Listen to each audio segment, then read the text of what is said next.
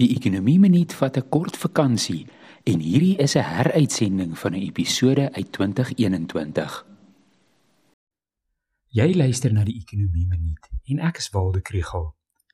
Krimpflasie is nie 'n woord wat jy in 'n ekonomie handboek sal kry nie.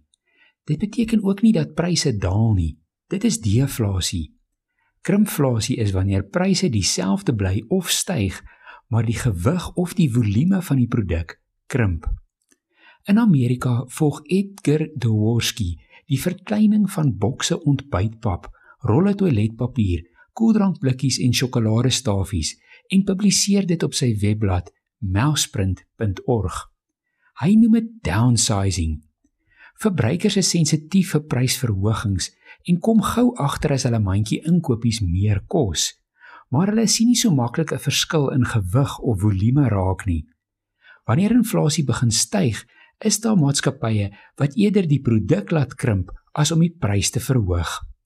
Die maatskappye voer ook aan dat om die verpakking aan te pas verminder hulle vervoerkoste en dit is beter vir hulle koolstofvoetspoor. Weet jy van enige gevalle van krimpflasie in Suid-Afrika?